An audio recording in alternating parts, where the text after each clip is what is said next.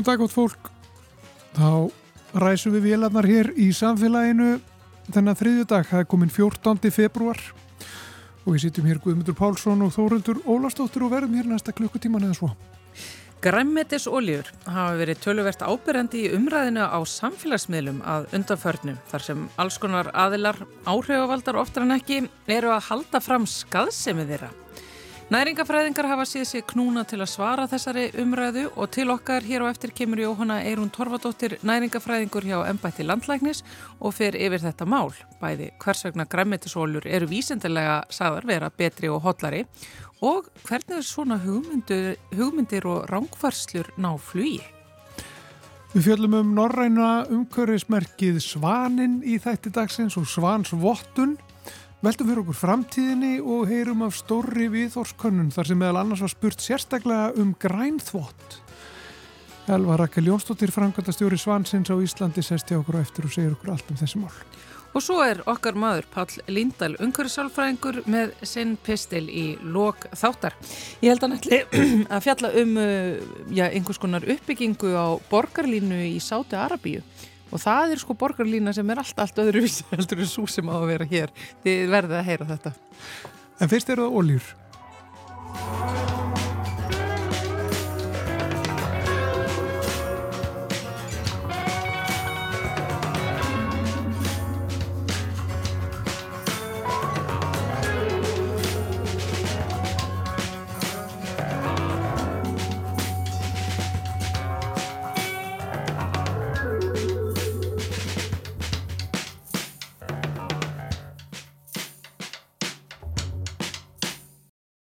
Við ætlum að ræða aðeins um grænmetisóljur og mynda skaðsemi þeirra sem hefur farið mikinn á samfélagsmiðlum. Hún er sest hjá mér Jóhanna Eirún Torfadóttir, næringafræðingur hjá Embætti Landlæknis. Sælvasti Jóhanna. Sæl. Við verðum eiginlega að byrja bara á tilöfnu þess að við erum að setja sér þetta niður og ræða um uh, grænmetisóljur af því að það er í ákveðnum afkima samfélagsmiðlana farin á stað mikil umræða sem hefur aukist gríðarlega um að, að grænmetisóljur séu eittraðar bara, reynlega. Mm. Ef við förum aðeins í bara hvað er að gerast þarna í þessum afkima sem að kannski ekki allir hlustendur hafa orði varir við? Já, þetta er oft sko að því fyrta getur sem sagt bæði verið hörð og, og mjúk og við tölum oft um fytun að hún er hörð við stofuhita eða mjúk við stofuhita. Það hefur oft verið svona einhver umræð um hvort tegunda af þessum fytum séu hotlæri. Hvort að harða fytan séu góð fyrir okkur og hvort að mjúka fytan séu góð fyrir okkur. Og það hefur verið svona svolítið háara rattir undanfærin ár að harða fytan séu besta fyrir okkur en mjúka fytan séu slæm mm. sem er í raun og veru bara algjörlega öfugt við það sem að embætti landlæknis ráðlegur. Og þessu umræða verið skveikna svolítið mikið hjá sko áhrifavöldum, mm. Karlkins sem eru svona mikið í, í líkamsarakt og, og reyfingu og spá mikið í, í uppbyggingu líkamanns og, og er á Instagram og TikTok og þar er verið að tala niður græmitasólíðina. Já, já, við, maður sér þetta líka alveg hjá jáfnveil heilbriðstarfsfólki þetta verist vera svolítið út, útbreytt mýta. En kannski sannleikurinn er sá að þetta er aldrei svona einfalt. Við erum í raun og veru aldrei að borða eina fæðutegund allan daginn eða alla daga vikunar við erum að borða margar fæðutegundir. Og við þurfum líka að horfa bara á veist, þetta samband að við séum að fá allt í réttu hlutföllum. Mm. þannig að það er aldrei hægt að gera þetta kannski svona svart og hvítt. Þetta er meira við við megum og þurfum mettaði fyttu, borða mettaði fyttu, við höfum bara að fá meira mjúgri fyttu. Og þetta er bóðskapur sem er kannski svolítið erfur þegar maður er að reyna að gera allt svart og hvít. Að þetta er ekki þannig. Við erum með flóknaferðla í líkamannum og við þurfum ótrúlega mörg mismöndi næringarefni til þess að líkamann sé að virka sem best og, sem, og til að þá minga líkur og allski sjúkdómum síðar æfinni.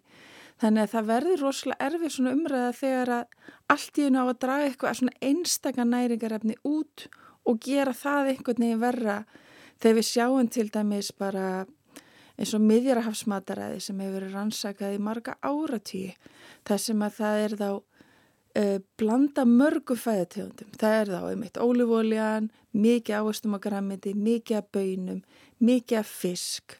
Þannig að þú veist, allt þetta saman er gott fyrir okkur. Og menn hafa síðan skoðað þetta hérna á Norðurlöndunum. Þá eru við með eitthvað sem við kallum hilsusamleitt norrænt mataræði. Þá eru við raun og verið að taka bara fæðutegundir sem eru nær okkur. Það er svo feiti fiskurinn og magri fiskurinn. Feiti fiskur er þá lags, sílungur, síld meðan að magri fiskurinn ísa og þorskur, við erum með mikið af þessu svona á disnum á Norðurlöndunum, við erum að bora mikið af fisk almennt, eh, svona allavega eldri, eldri hópurinn. Og, hérna, og við erum að nota repjólíu í staði fyrir ólífólíu og það er verið að spurja fólk bara með hvað ert að borða? Og þeir sem er að borða mikið af þessum fæðutegundum sem eru svona, já, bara í okkar nærumhverfi þar sem við rektum af grammeti emitt fiskurinn okkar, repjóljan, heilkotnavör, rúbröðið, þeir sem er að borða mikið þessu fæðategundum, þeir eru að fá miklu sagt, hagstæðri líkur gegn þá langvinnu sjúkdamum. Þannig að við erum bara að sjá þetta ítrekað og það var svo skrítið að ráðast þarna sérstaklega á jörtólíuna sem er hluti af heilsusamlegu mataræði. Já, og einmitt hluti af heilsusamlegu mataræði sem bara við erum að gera og höfum tilengað okkur og er í okkar menningu.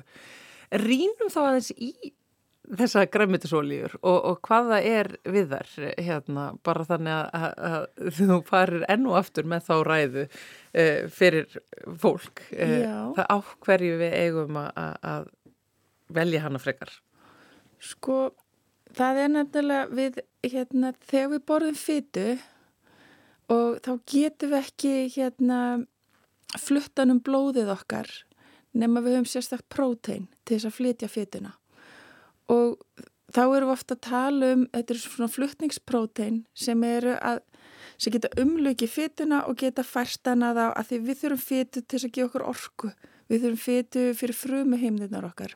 Þannig að þú veist, þetta er auðvitað bara rosalega mikilvægt nærigrafni. Fytan gefur okkur líka lífsnæslu vítamin og, og lífsnæslega fytusýru sem við getum ekki búið til sjálf.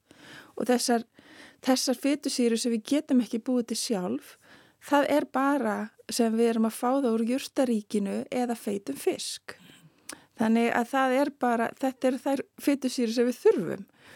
Og hérna, það eru þarna síðan tala um góða kólestróli og slæma kólestróli sem er þá að, að dreifa fytun út eða sækja fytun aftur sem þarf ekki og, og því meira sem við borðum að metta er fytu því meira verður til af þessu slæma kólestróli líkamannum því meira sem við borðum af mjúgra fytu því minna er af þessu slæma kólestróli líkamannum mm. þetta er bara rannsóknir ítrekka búin að sína og þetta slæma kólestról er það sem er að byggja undir æðakölkun sem síðan getur valdið kransaðastýplu eða æðaskemdum hvað sem er í líkamannum. Þannig að þetta eru mjög hérna, vel rannsökuð fræði. Það er búið að hérna, fara núni í ítalega endurskoðun og öllu ráðleggingu tengt fytu á Norrlöndunum. Það eru sérfræðingar búin að fara kerfisbundi yfir alla rannsóknir sem hafa gerðið bara síðasta áratug og við erum bara þeir komast að sömuniðstu ráleggingarna standa þá ekki að breyta þeim. Já, en, en aftur okkur verður þá eitthvað svona bakslag sem að fæðist hjá áhrifavöldum á samfélagsmiðlum gegn þessum marg ítrekkað rannsökuðu vísendum um grammetisólíuna og ástæður þess að við erum að velja hana frekar? Sko, ég veit ekki hvort að það eru einhver hagsmunir sem spilaðan inn en Við vitum auðvitað að djúbstektumatur er ekki góðu fyrir okkur. Það er náttúrulega notið jörstólja í að djúbstekja mm. og þá er oft mjög hár hiti, það er verið að hita ólíuna mjög hátt lengi, það er kannski verið að hita upp aftur og aftur. Þá skemmist fitan og hún verður slæm fyrir okkur. Og, og það er auðvitað kannski ein ástæðan, uh, uh, þessi mjúka fita, er, henn er hættari við að þrána, þannig að við þurfum að fara vel með hana, við þurfum að hérna auðvitað það skiptir máli hvað umbúrur er notaður um hana og, og auðvitað því dýrari vara, því betri vara mm. ef við förum í mjög ódýrar ólíður sem eru kannski að kosta 200 kall út í búð þá er það kannski ekki skóðar ólíður eins og þessi kosta meira því miður þannig að, að auðvitað eru ákveðin svona misjöp gæði en, en heilt yfir það mælu við freka með að nota einmitt júrtólíunar, nota bara fjölbreytt úrval, ekki, þú þarft ekki að vera að nota alltaf sömu tegund og þú mátt alveg líka fá feitufitt, eða sérst mettufitina með, hún á bara ekki verið í sama magni. Mm. Sko, af því að þetta, þessi anstæði við græmyndisóliðunar hefur farið mikinn hjá áhrifavöldum og þú talaður á þann um að mögulega væri kannski einhver hagsmuna öll þarna baki og áhrifavaldar eru náttúrulega kostaðir týpur, þetta eru í rauninni gangandi, lifandi auglýsingar.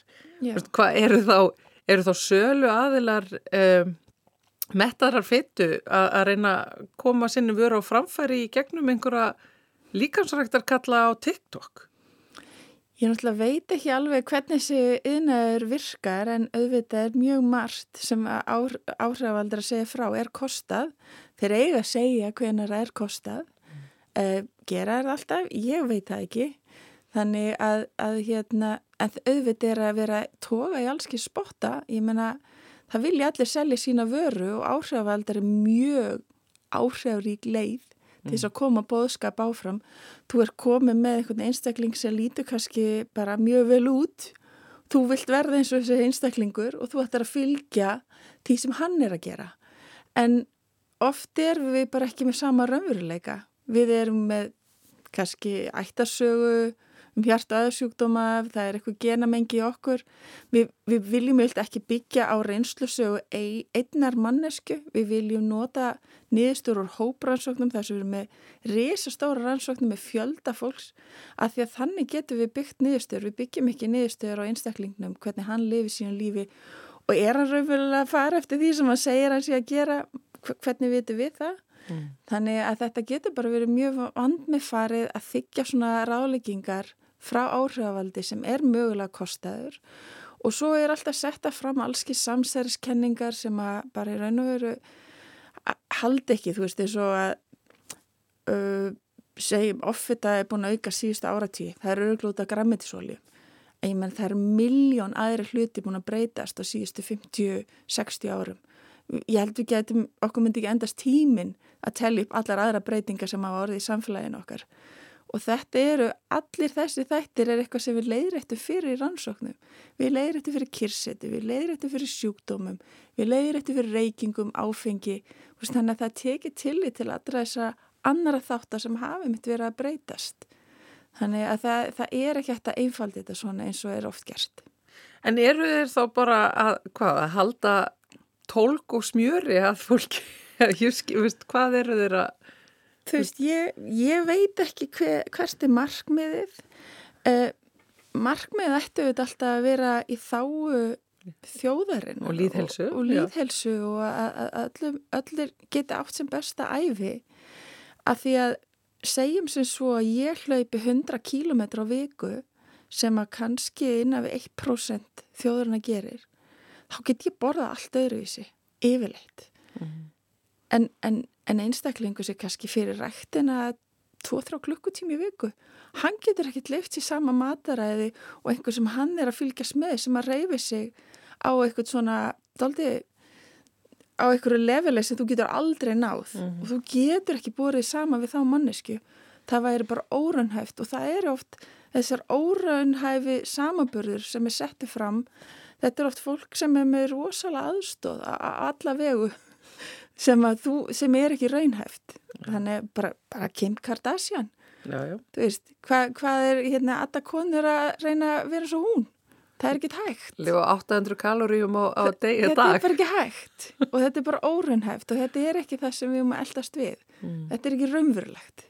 Veistu hvað, mér finnst skrítið Jóhanna að það sé að, að þið hjá embati landlagnis og, og, og bara fræða samfélagið í næringarvísendum finnið ykkur knúin til þess að svara uh, umræðu sem að fer af stað hjá uh, áhrifaveldum sem eru mm. mögulega kerðir áfram af hagsmunaöflum og kostaðir til mm. sem að hafa ekki gráðuna, gráðuna ja. eða þekkinguna Nei. eða, eða uh, yfirsýnuna yfir öll vísendin sem hafa verið í gangi síðustu áratugina. Það er ótrúlegt að og skrítin veruleiki sem við erum komin í að, að einhver svona metavörs, eh, hérna, samfélagsmiðla heimur geti tekið yfir eitthvað sem að eins og þú ert að segja bara við höfum alltaf vitað og bara, þið er bara svona pínu hissa vera að þið þurfið að segja þetta upp átt, aftur. Já, það er alveg rétt og hérna og, og við erum að tala um bara stopnarnir eins og alþjóða heilbriðsmálastofnum, við erum að tala um allski samtök hérna í bara hjarta, þú veist eins og hjartavendir á Íslandi, mm -hmm. þú veist sem er að vinna saman alls þar í heiminu með risastóra rannsóknir bara, bara alveg rosalega seffrængar sínu sviði sem að eigða starfsæfinni sinni í að rannsaka þetta og eru búin að sína þetta aftur, aftur, aftur sama hlutin að hérna einhver sem að kannski, ég veit ekki hann getur verið verkfrængur eða ég veit ekki hvað, hann segist vita betur. Og akkur eru við þannig raunveruleika í dag að, að hérna að, að það er ekki lengur hægt að trúa fræðafólkinu sem við vitum að er ekki með hagsmunagesli. En þetta er náttúrulega bara þetta samfélagslega bakslag í rauninni gegn vísindum og, og, og þekkingu og, og rannsóknum og einmitt svona embættum eins og þú vinnur hjá akkurat, akkurat að því að þar er ásetningurum bara að gera gott fyrir þjóðina. Mm. og það er okkar megin markmið að er að, að, að standa vörð um heilsu þjóðarinnar. Þannig að hérna hvað, hvað, hvaða hérna einmitt hvað er markmiði hjá öðrum, ég veit það ekki. Já, þú tekur örglega kannski bara útfyrir það að vera kvælið einhver falsvísinda manneskja á, á samfélagsmiðlum fyrir að segja það sem þú ætti að segja hér. Eh, ég, ég veit ekki, ég hef að bæki 10 ára háskólanám, ég hef að bæki 20 ára starfsenslu í nærikafræði, ég hef kent þetta og, og ég, hef, ég þarf að lesa nýjar vístagreinar í hverju viku Ég, ég lifi og, og, og ég, bara, ég, ég er bara í þessu umhverfi, ég er í samskiptu við næringafræðinga í háskólasamfélaginu, líka erlendis, við förum yfir þetta allt regla saman, við erum líka í samskiptum við tölfræðinga, líftölfræðinga, þannig að við erum að fylgjast eins vel með og hægt er. Mm. og, og okkar áleggingar hafa ekki breyst. Þið eru mitt að bregðast við þessari samfélagsmiðla bólu um uh, þessa miklu anstöðu gegn græmutusólíunum með því að mhm. skrifa í blöðin og koma hingað og ræða við okkur.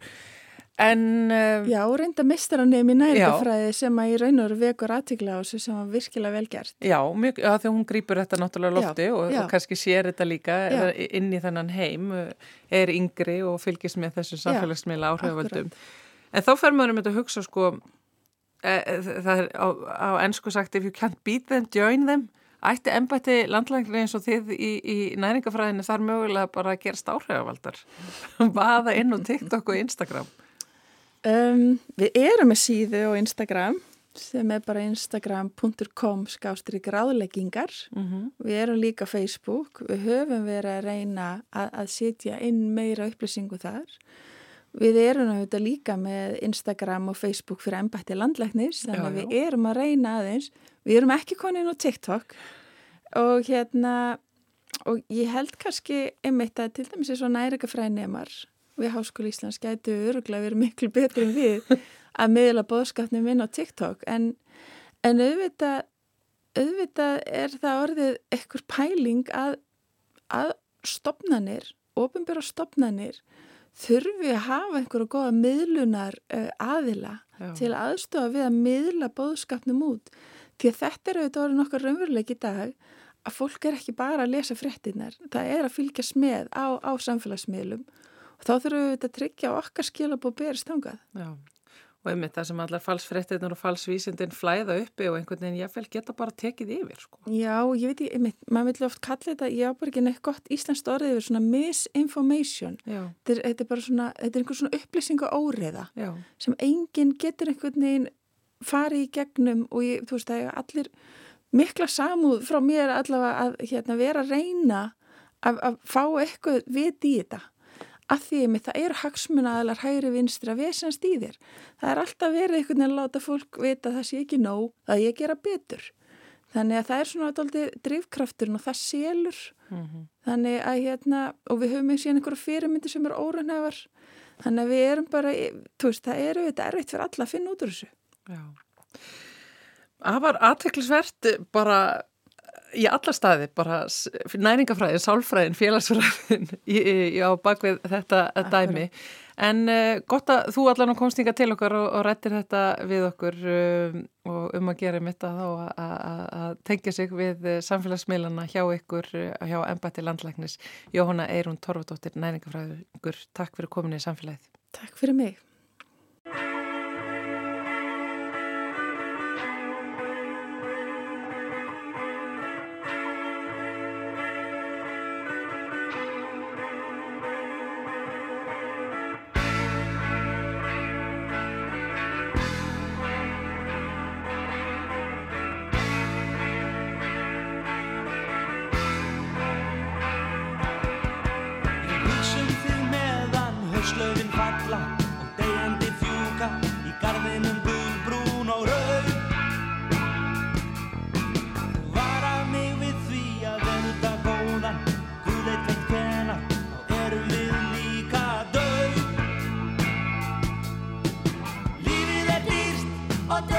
por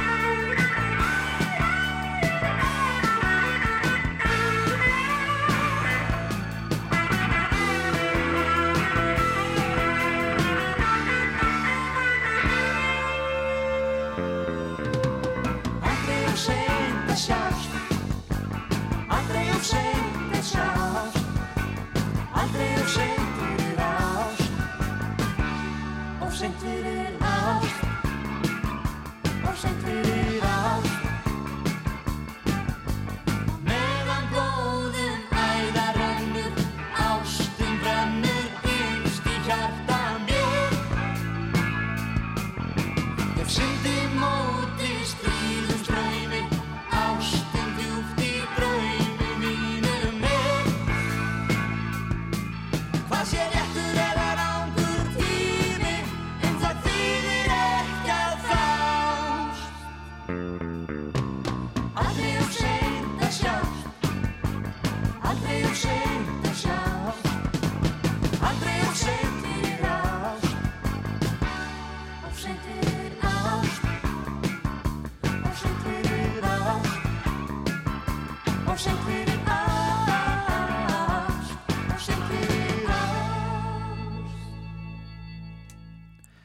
Mannakort, aldrei of sint heitir þetta lag.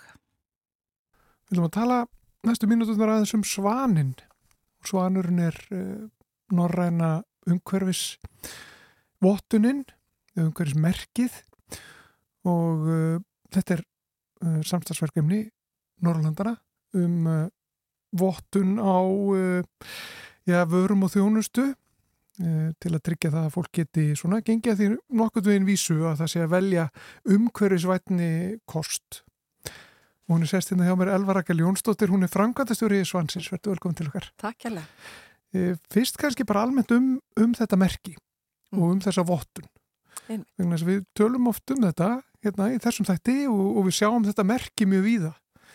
Eh, Getur sagt okkur í stuttum máli bara hvernig þetta virkar og, og, og um hvað þetta snýst?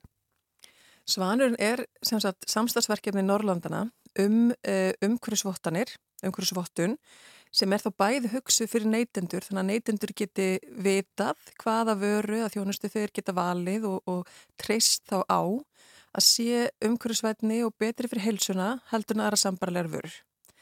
Og þetta er líka auðvitað tól fyrir framleiðendur. Þess að þeir geti í rauninni sínt fram á ábyrgt umhverju starf sitt og að þeir séu að framlega vöru sem, að, sem að er betri fyrir samfélagið. Þannig að, að þarna er rauninni óhagður aðali sem er þessir, þessir ofinbyrju aðalar á Norrlandun sem starfa saman að þessu merki búinir að setja viðmið um, og, og strángar kröfur um, fyrir alls konar mismunandi vöru, tegundir, vöruflokka og þjónustuflokka í samfélaginu uh, sem þá framlegandi þarf að uppfylla til þess að geta fengið svann. Og þetta er einmitt hugsað sagt, til þess að íta markanum í ákveðna átt. Þannig að viðmiðin eru hert reglulega. Þannig að þetta er ekki bara þannig ef að þú ert að framlega hérna borð eða eitthvað, þá ertu bara að koma með svaninn og ert með hann næstu 20 ár. Heldur þú þart í rauninni að fylgja þá bara þeirri tækni, þróun og, og auðvitað síöknum kröfum í laga um hverju öllu stíku. Um, þannig að, að, að þú sést alltaf betur bæta þína framleyslu og þína, hérna, þína vöru þar sem þú ert að bjóða upp á. Og þannig getur alltaf, sko, þannig getur neytandin bara vitað, þannig er ég að velja rétt og hann þarf í rauninni ekki að kynna sér í hörgul allt um einhver ákveðna efnavörur eða einhver ákveðna, vörtegandir og, og hversu svona ítarlegt er þetta sko. Og, og það þarf náttúrulega að vera maður ímynda sér að tröst sé svolítið líkiladrið þannig mm -hmm. að, að neytendur þeir þurfa bara að geta tröst þessu 100% og hversu svona ítarlega farið í þetta veginn og, og er þetta alveg bara alveg niður í bara minnstu mögulegu hérna, smáadri Já, þetta er tölvögt ítalegt vegna þess að þannig er verið að horfa á allan lífsferil vörunar. Það er verið að horfa á sagt, alla hluti í vöruframlestinu og ráefna valinu sem að geta valdið einhverjum neikvæm umhverjasar áhrifum og sett sagt, einhverja kröfur á, á þessa þætti. Þannig að Ef, að, ef þú ert að skoða að velja svansvotavöru sem dæmi, það getur líka verið að önnur sambarileg merki í heiminum, en tökum svani sem dæmi, að þá er búið að setja kröfu bæðum hvað ráöfnið er notaði vöruna, hvernig hún er síðan framleitt, þú veist bara orkumagn og vassmagn og efnablöndun og allt slikt. Það er líka að gera krafa um í rauninni sagt, hvernig varan virkar í nótkunn, þannig að þetta er ákveðin gæða stimpil líka. Hún verður að hafa ákveðina virkni um, og til dæmis fyrir bara segjum yðnamenn sem er að vinna með okkur efnavjóru annað að, að varan sé ekki að valda þeim óþægindum, bara hérna prentarar til dæmis sem er að vinna í prenti að þeir sé ekki verða fyrir okkur sko, óþægindum út af skælum efnum í vörunni. Uh, og svo bara hvernig hagar varan sér þegar henni fargað Uh, þú veist, er hún að hafa áhrif á vatnarsvið og, og svo framvegs. Þannig að það er rauninni verið að horfa á eins marga þætti eins og hægt er í öllum ferlinu við framleyslingur ákveðna tegundur vöru. Og það eru ekki öll merki sem eru þannig. Sum merki sem eru bara góð gild en þau taka bara mjög afmarkan þátt af vörunni. Tökum bara sem dæmi til dæmis lífrannavottanir sem eru bara að votta það hvort að í rauninni, eh, segjum bara kornið, var ræktað á ákveðin hátt sem var síðan notað í vöruna. Og þá er það bara mjög gott og gilt að fá staðfæstík á því að svona var í rauninni ráefni í vöruna búið til. En það segir síðan ekki í rauninni um alla hina þættina, uh, hversu mikið vassmagn var, hversu hvernig lítið umbúðnur út og svo framvegis. Þannig að það er bara þessi reygin munur á þessum svona heildstæðu uh, umhverfsmerkjum og síðan svona hlutamerkingu sem eru að innbetta sér að bara einhverjum ákveðnu þætti. Og en þetta með tröstið, sko, fyrir fólk að bara treysta því að, að þarna sé farið eftir öllu sem að sagt er að, að farið sé eftir. Akkurat og þar er líkilatrið að þetta eru ofinbörmerki sem að hefur ofinböra í rauninni e, rekur eða stefur við og þá ertu ekki með þann, þessi áhrif af yðnaðarum sjálfum á segja. Það eru líka til merkið sem að yðnaðarum býsir til sjálfur og, og eh, ekki þar með að þau merki síu endilega sko, um, ekki að sína fram á ágætis árangur einhverju tilfellum en það er samt alltaf þessi einmitt spurninginu tröst. Getur fólk treysti að það sé ekki einhver áhrif þar sem að söglast á milli en þegar þú ert með óhugaðan þriði aðeila sem að tekur út kröfnar um, og hvort að fyrirtækja fara náða að uppfylla þær að þá er það bara allt annars konar sko stimpill og akkurat það sem að e, í rauninni þessi svona könnun sem að við litum gera á Norrlöndunum meðal neytenda e, núna í lók síðast árs síndið mitt fram á þetta að neytendur þeir þeir leitast eftir þessu og þeir treysta í rauninni því þegar, þegar vörur eru með vottanir frá einhverjum óháðum aðala. Mikið frekar heldur en þegar það eru yfirlýsingar fyrirtækja eða framleganda sjálfra. Já, einmitt. Förum þá eins nánar í þessa könnun. Uh, hversu viða mikilvæg þessi könnun og hvað svona helsta sem að koma út þar? Þetta var stór könnun sem var gerð á öllu Norrlöndunum uh, og í rauninni var tilgangurinn að skoða í rauninni neyslu hegðun uh, Norrlandabúa og svolítið svona neytenda, uh, hvað við segja, hversu meðvitað neytendur eru um, um sjálfbarni og möguleika sína til þess að vera sjálfbarir í hegðun. Þannig að þetta var svolítið svona stór könnun sem að tóka mörgum þáttum og það sem að okkur þykir kannski markverðast út úr þessar könnun var upplifun neytenda af grænþótti. Um, áðurinn í kýminu þá, þá langar mér að segja að það var mjög margt annað sem var áhugavert í þessari könnun. Samabir það að, að sko, eh, neytendur virðast vera með ákveðinu svona hugsanaskekkju sem er bara mjög vel þekkt í sálfræðinni að um, ef að eitthvað sko reyna það eins í einföldu máli mm -hmm. ef eitthvað samramist sko þinni skoðun og þínum, svona, þinni trú þá leytast þér svolítið við að raukstiðja það og, og færa rauk fyrir því. Uh, og þannig til dæmis þá þegar neytundur áttu að, að flokka hvað er töldu vera áhrifaríkar aðgeri til sjálfbarni þá flokkuð er mjög hátt til dæmis að um, endurvinna úrgang uh, en flokkuð er mjög látt að fækka flugferðum til dæmis. Já, já. Það eh, langar, langar kannski ekkit marga til þess Nei, endilega. akkurat. Og það er svona það, það stangast á við hvernig þeirra lífstil er og, og svo rafvegis en þeir eru kannski byrjar flokka og þá, þá, þá, þá raðar því herra í mikilvægsröðuna þannig að það er svolítið svona áhugaverð mm. hugsunavilla sem kom fram í þessu. Um, og svo annað það að, að línulega hafkerfið er að gera okkur mjög erfitt fyrir sem neytendur. Um, menn tölu til dæmis að þeir hafa upplifað að, að vörur eru gerðar þann hátt að það eru nekkit hægt að gera við þær um, og að það sé mörgu tilfellum bara miklu dýrara að láta mm. gera við vörur heldur en að kaupa sér nýjar. Þannig að, að þú veist, línulega hafkerfið er að gera neytendum í rauninni erfitt fyrir þegar þeir vilja gera vel. Þannig að þarna er eitthvað svona sem þarf að, að laga að því að augljóslega er eftirspurninu einhverja til komandi staðar þegar mennur er farnir að kveika á þessari peru býtunum við ég get ekki svona gert í hlutinu þó ég vilja það. Tölum að þessum grænþáttinn eftir smástund mm -hmm. en fyrst hérna að þú komin þangað, þá erum við að tala um hérna uh, líftímavöru og, og þess að þar og þú sagðir á hann sko að svansvottunin hún, hún uh, snýr að öllum líftíma mm. vörunar eða þjónustunar, jáfnvel en, en, en sko um, hugsunin til framtíðar og, og hvernig, já, vörur eru hannaðar og umhverju okkar er hannað og, og þess að þar uh, er þar hugsað nægilega mikið til framtíðar? Það er það alveg ábyggil ekki, ég ætla bara að lega mér að fullir það, það og það er svolítið þema sem við erum að vinna með þessa dagana, það er þessi svona framtíðarhugsun. Um, þetta, er, þetta kallar á smá huguleikvemi og smá svona um, endurstilling á því hvernig við hugsum um ákvarðanir okkar. Vegna þess að í rauninni þá er samtímin okkar eins og hann er í dag, við þekkjum hann, við vitum hvernig hann er.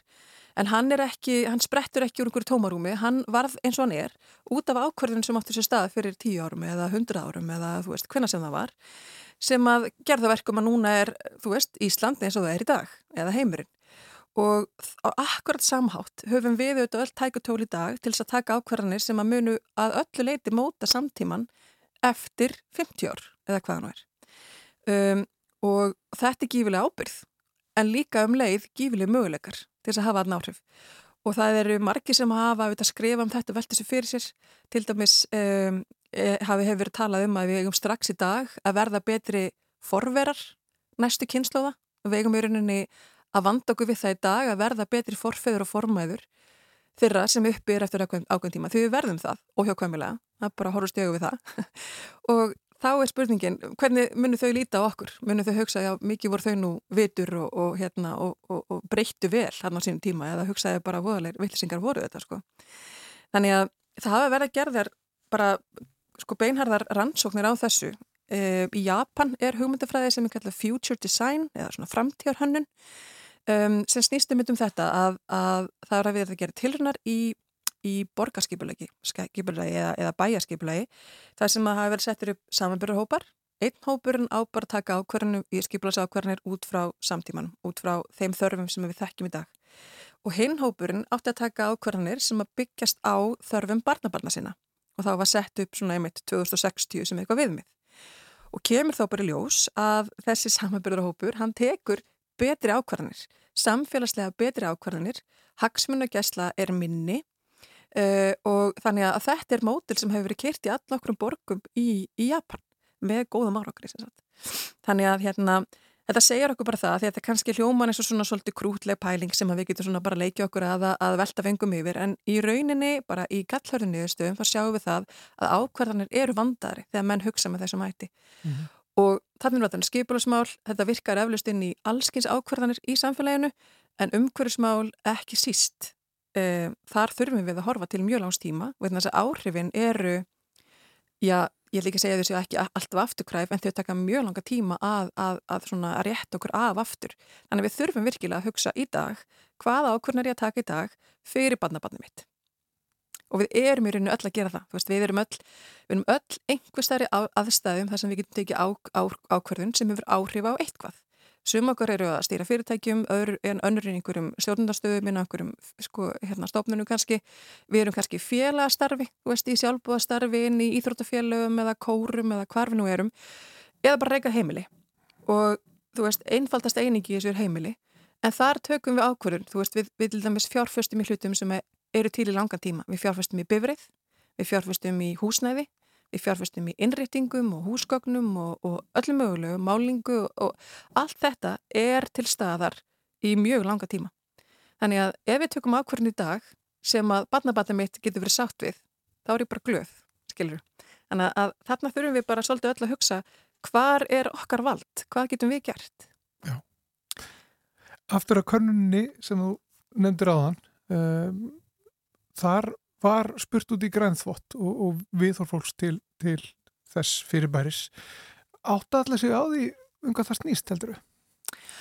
Það er ekki víst. Það er spurningi um að hérna, segja frá því bara í örstuðumáli að grænþvottur er í rauninni sagt, þessi e, hætta sem skapast e, þegar fyrirtæki eru að e, segja frá umhverfslegu ágæti sínu eða sinna vara eða einhverju slíku án þess kannski að það sé eitthvað mikið á bakviða og þá snýst þetta rauninni um upplifun fólks frekar en sko hvort eitthvað sé grænþóttur í rauninni ekki vegna þess að það getur vel verið að sé eitthvað á bakvita en neytandin á mjög með að sjá það. Og ef hann á með að sjá það þá upplifur hann það sem grænþótt en þá séu rauninni svona verða að, að já, hvað ég segja mála fyrirtekki grætni heldur en við raunverulega eru.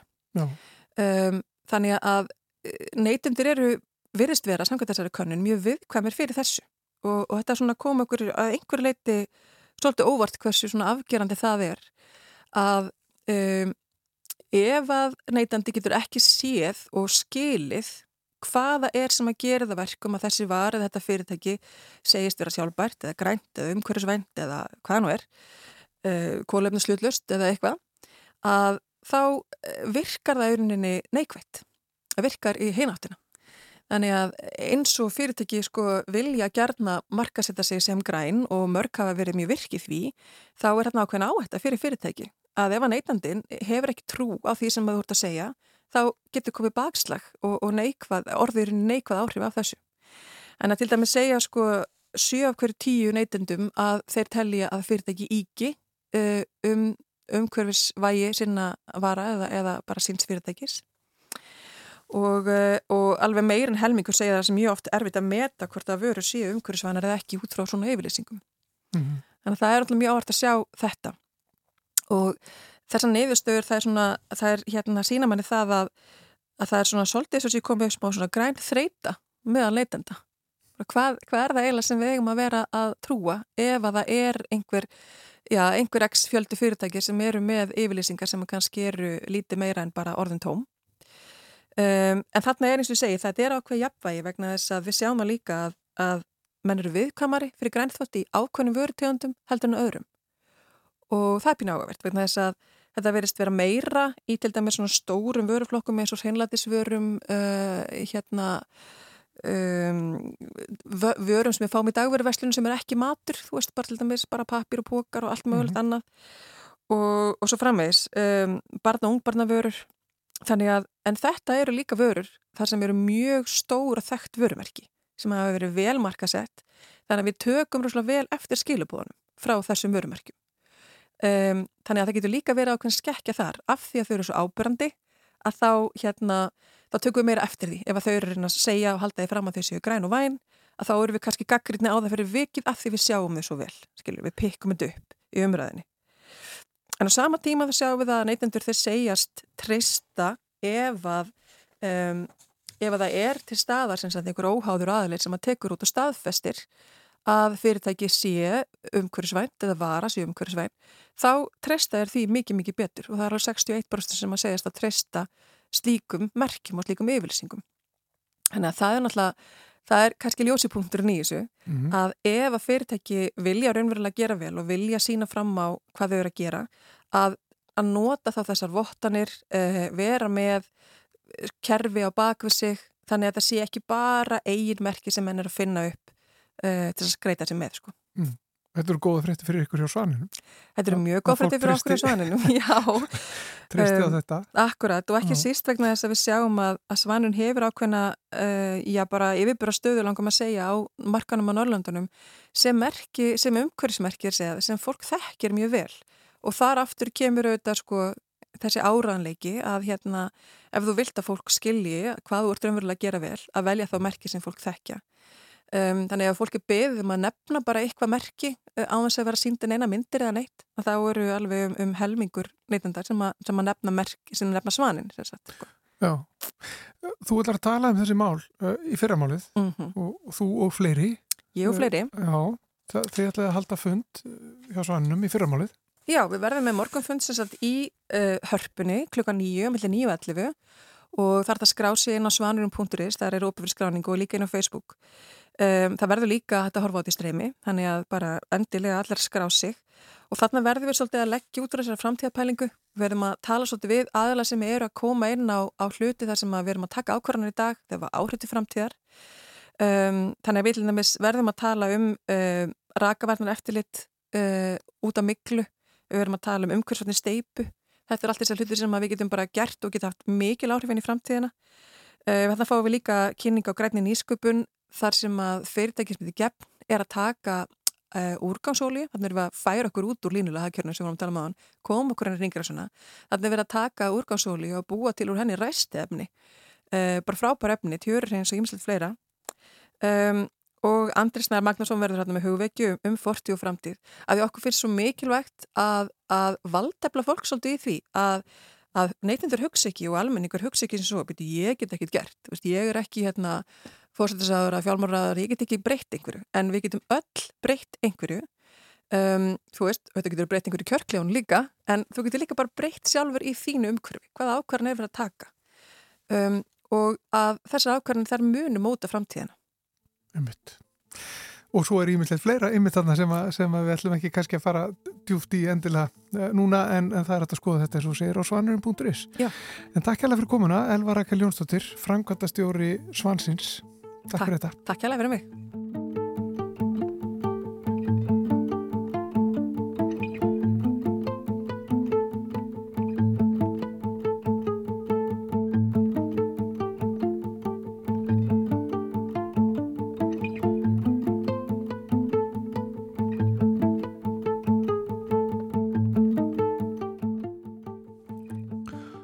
Þá er næst komið að pistli frá Páli Líndal umhverfis sálfræðingi.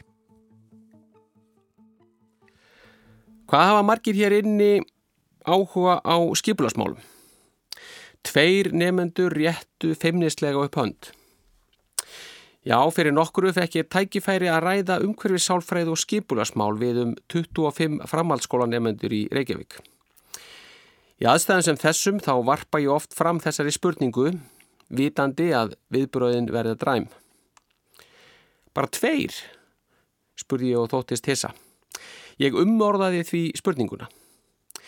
En hverjir hafa áhuga á því að fylgjast með og taka þátt í þróun umhverfisins í kringum sig næstu ár og ára tugi? Hvar við setjum niður götur, græn svæði, almenni samgöngur, hvar við byggjum hús og hvers konar hús við byggjum? Allur hópurinn réttið upp hönd. Auðvita höfðu þau öll áhuga á framtíðar þróun umhverfisins í kringum sig. Við höfum öll áhuga á umhverfinni í kringum okkur.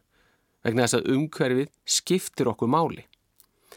Þótt orðið skipulasmál sem slíkt sé ekkit svakalega spennandi, þá er málaflokkurinn gríðarlega áhugaverður, en það snertir hann okkur öll. Umræðan um skipulasmál er því afskaplega lífandi umræða og það getur verið ótrúlega gott að grípa til hennar, til dæmis þegar að umræðu efni skortir. Jæja, og hvað finnst þér nú um borgarlínuna? Og maður getur bókað að umræðan hefur sig á flug. Fólki finnst nefnilega sitt hvað um borgarlínuna og þjættingu byggðar. Flestum sem ég hitti finnst alveg nóg um þjættingarstefnuna sem rekin er. Það skilja líka fæstir hvernig borgarlínan á eiginlega að raungerast. Ég skil þessi sjónamið mæta vel, þó ég sé almennt þeirra skoðunar að vel megi þjætta byggð hérlendis, þá skiptir nefnilega máli hvernig það er gert og mín skoðun er svo að ansi vasklega hafi verið gengið fram í þeim efnum, auk þess sem framtíðarplön vekja upp margar spurningar. Svo fæ ég lítinn botni umræðu um borgarlínu. Með tímanum verð ég sífælt meira þeirra skoðunar að þetta þarfa verkefni um eblingu almenni samgangna hafi breyst í draumaverkefni fjárfesta og uppbyggingaræðila á fastegnamarkaði, frekar en að því sé haldið til streitu í þáu almennings og samfélagsins. Þá á ég erfitt með að skilja hvernig sveitarfélög sem vart geta haldið úti sæmilega skilvirku strætisvagnakerfi ætla að byggja upp og reka þá borgarlínu sem kynnt hefur verið. En síður skil ég af hverju óskobunum er ekki unnið að því að færa núverandi strætisvagnakerfi hægt og bítandi yfir í þann búnings sem síðar verður kallað borgarlína. Með því móti væri tíminn þá nýttur til lærdóms, reynslu og aðlögunar og þeirri þekkingu mætti svo aftur velta inn í vinnu og umræðu um borgarlínu. Já, í mínum huga er þetta ílskiljanlegt. En samt er borgarlínan sem slík ekki óskiljanlegt verkefni. Það sama verður hins vegar ekki sagt um aðra borgarlínu sem ég rakst á um daginn. Það verkefni er mér algjörlega óskiljanlegt. Og þá er ég jamt við um hugmyndina, umfangið, kostnaðin, áhrifin og svona má áframtelja. Við skulum hoppa aftur til dagsins 24. oktober 2017. En þann dag kynnti krónprins Sáti Arabíu, Muhammed bin Salman, áallenir um að hleypa hugarfóstri sínu neom af Stokkonum. Neom er sagt flagskip Sáti Arabíu þegar að kemur að þróun viðskipta og ferðamennsku og er þungamiðjan í framtíðarsín Sáti Arabíu sem ber heitið Sáti Vision 2030 og felur í sér að auka fjölbreytni í atvinnulífi. Neom er framtíðar snjallborg sem næri við 26.500 ferrkilometra svæði í norðvestur hluta Sáti Arabíu við Rauðahafið. Í neóm er fyrirhugað að innleiða tækniníjungar í hæsta geðaflokki sem knúnar eru áfram af gögnum og tölvugreind og skapa eitthvað sjálfbart umhverfi og eftirsóknarverð, búsetu og atvinnuskiliri fyrir fólk sem og aðlæðandi ferðamannastað. Neom var kynnt sem 500 miljardar dollara verkefni sem horfi til uppbyggingar snjallþorpa og borga hafna, rannsóknarmiðstöða, ferðamannamiðstöða, svæða fyrir fyrirtæki og aðstöðu til íþrótta og afþreyingar. Verkefninu hefur verið líst sem metnaðar fylsta verkefni sögunar og skýrist það ekki síst af einum ángaðess sem ber heitið The Line eða línan. En þar erum að ræða línulega snjallborg sem um skora borgarumhverfi nútímas og holm. Umhverfi sem sagt er mengað og óskilvirt auk þess að hunsa nátturu og nátturu öðlindir. Til að fylgja eftir markmiðin sínum um vendun og eblingu nátturu mun línan taka aðeins yfir um 34 ferkilometra lands sem er lauslega reknað ríflega þrísvesinum umfangsmeira en það svæði sem byggð á akureyri þekur nú. Sem fyrsta þjættbilið í 150 ár sem hanna er fyrir fólk en ekki kringum götur, mun línan snúast um helsusamlegt umhverfi, sjálfbærni og lífskeiði. Línan boðar nýja lífsætti. Meginstef línunar er uppbygging þjættbílis í þremur lögum ef svo má að orði komast. Í efstalæginu sem ætla verður gangandi fólki verður að finna opin svæði og græn svæði þar sem hægt verður að dvelja og njóta. Neðan við þetta yfirborslag verður lag þar sem á finna alla þá þjónustu sem hugurinn gyrnist og er gert ráð fyrir að alla helstu þjónustu megi nálgast í innan við 5 minútna göngufjallað frá stoppustöðum samgöngukerfisins sem verður í neðstalæginu. Samgöngukerfi línunar verður eitthvað sem kalla má ofur hraða samgöngukerfi með skilvirkni í öðrum vittum en nú þekkist. Í línunni verða engir bílar og engin kólefnislósun. Orka og vassöflun verður 100% endurnýtanleg og þjónustægi línunni verður meira og minna sjálfvirk og mun byggjast á gerfigreind sem mun svo aftur spara tíma og fyrirhafn. Uppbygging línunar verður nýstáleg og óhætt að segja að mannvirkið beri nafn með rendu. Þið gert er ráð fyrir að þessi þrjú lög sem minnst var hér á undan byggist upp innan 200 metra breiðis beltis sem afmarka verður af tveimur 500 metra háum samsíða veggjum sem að utanverðu verða klættir speklum. Þessir veggir munur svo tegja sig í þráðbeinni línu 170 kílometra frá ströndinni við Rauðahaf til austurs, inn í Eidumörkina, gegnum fjallendi og til borgarinnar Tabúk. Mannvirkið er því vægt til orðatekið ógnar stort. Til að setja þessar stærðir í eitthvað samengi við raunveruleika okkar Íslandinga þá jafngildir 500 metra hæð um það bíl hæð 6 og hálfurar Hallgrímskirkju og 170 km beinlína jafngildir um það bíl lengt beitnar loftlínu millir Akurer og Egilstaða eða beitnar loftlínu millir Reykjavíkur og Víkur í Mýrdal. Við getum líka tekið annan dæmi. Ímyndum okkur að við myndum tegja söður hlið Akrafjalls. Það er þá hlið sem blasir við reykvíkingum. Þar er hæsti punkturinn háinnúkur í 554 metra hæði við sjáumáli. Ef við myndum þess að tegja söður hliðina frá núverandi stað eftir beinni línu norður á Blönduós þá erum við nokkuð með einn komin með umfangið. Og svo eru það íbúanir. Þeir verða nýju miljón talsins. Þetta verður þjættbílasta svæði veraldar. 260.000 manns á ferrkilometra. En til viðmöðunar er þjættleikin í Manila á Filipsegjum sem er þjættbílasta borg veraldar 46.000 manns á ferrkilometra nú í byrjun árs 2023. Eðlumál sem samkvæmt trúðu fáir að hugmyndin um línuna næði fram að ganga og var hún að mörgum talin vera markaðsbrella yfirvalda í Sáti-Arabíu, sett fram til að draga aðtikli um heimsins frá stjórnarháttum í landunni, óþægilegri umræðu og viðkvamum málum. En í oktober síðastlunum byrtu strónamyndir af vettvangi. Þar mátti sjá fjölda vinnutækja að störfum við að taka fyrir grunni línunar.